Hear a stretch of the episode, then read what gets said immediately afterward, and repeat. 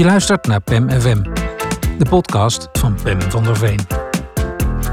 Aflevering 8. Geen volume. Misprijzend buigt de kapster zich over mijn uitgroei. De donkere baan op mijn kruin steekt meedogenloos af tegen het nog blonde haar.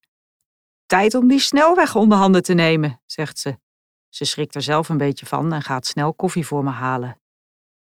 Ze had zich geen zorgen hoeven maken, want ik ben wel wat gewend als het om kappers gaat. Vooral vroeger, toen ik nog maar één keer per jaar een hippe knipbeurt kon betalen, spaarden ze me niet. Waar is de shampoo voor dood haar? riepen ze elkaar over mijn pluishoofd toe. Of een permanentje met dit haar? Dat is goed, maar dan ga je wel door de achterdeur de zaak uit. Tegenwoordig durven ze die dingen niet meer hardop te zeggen, maar nog altijd zetten zij mijn haar na één vakkundige blik weg in de moeilijke hoek. Piekerig, oordelen ze, terwijl ze hun vingers erdoor halen. Dun, slap, geen volume. Soms tref ik een lieve kapper.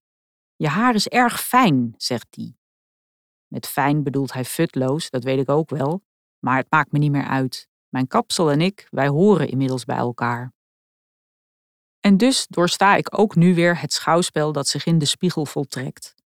Twee uur lang zie ik mijn eigen hoofd. Eerst de verf, dan de natte slierten, de platgekamde lokken, de halfvoltooide boblijn.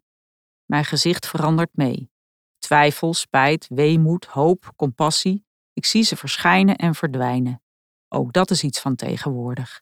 Zit ik lang genoeg in de kapperstoel, dan word ik getroffen door een diep begrip van het verstrijken der tijd. Alsof mijn leven in een film aan me voorbij trekt, maar dan zonder dat ik doodga. Althans, nu nog niet. In plaats daarvan loop ik fris geblondeerd en knap geknipt de deur uit. Die kleur staat je prachtig, roept de kapster me na. Die heeft zeker iets goed te maken.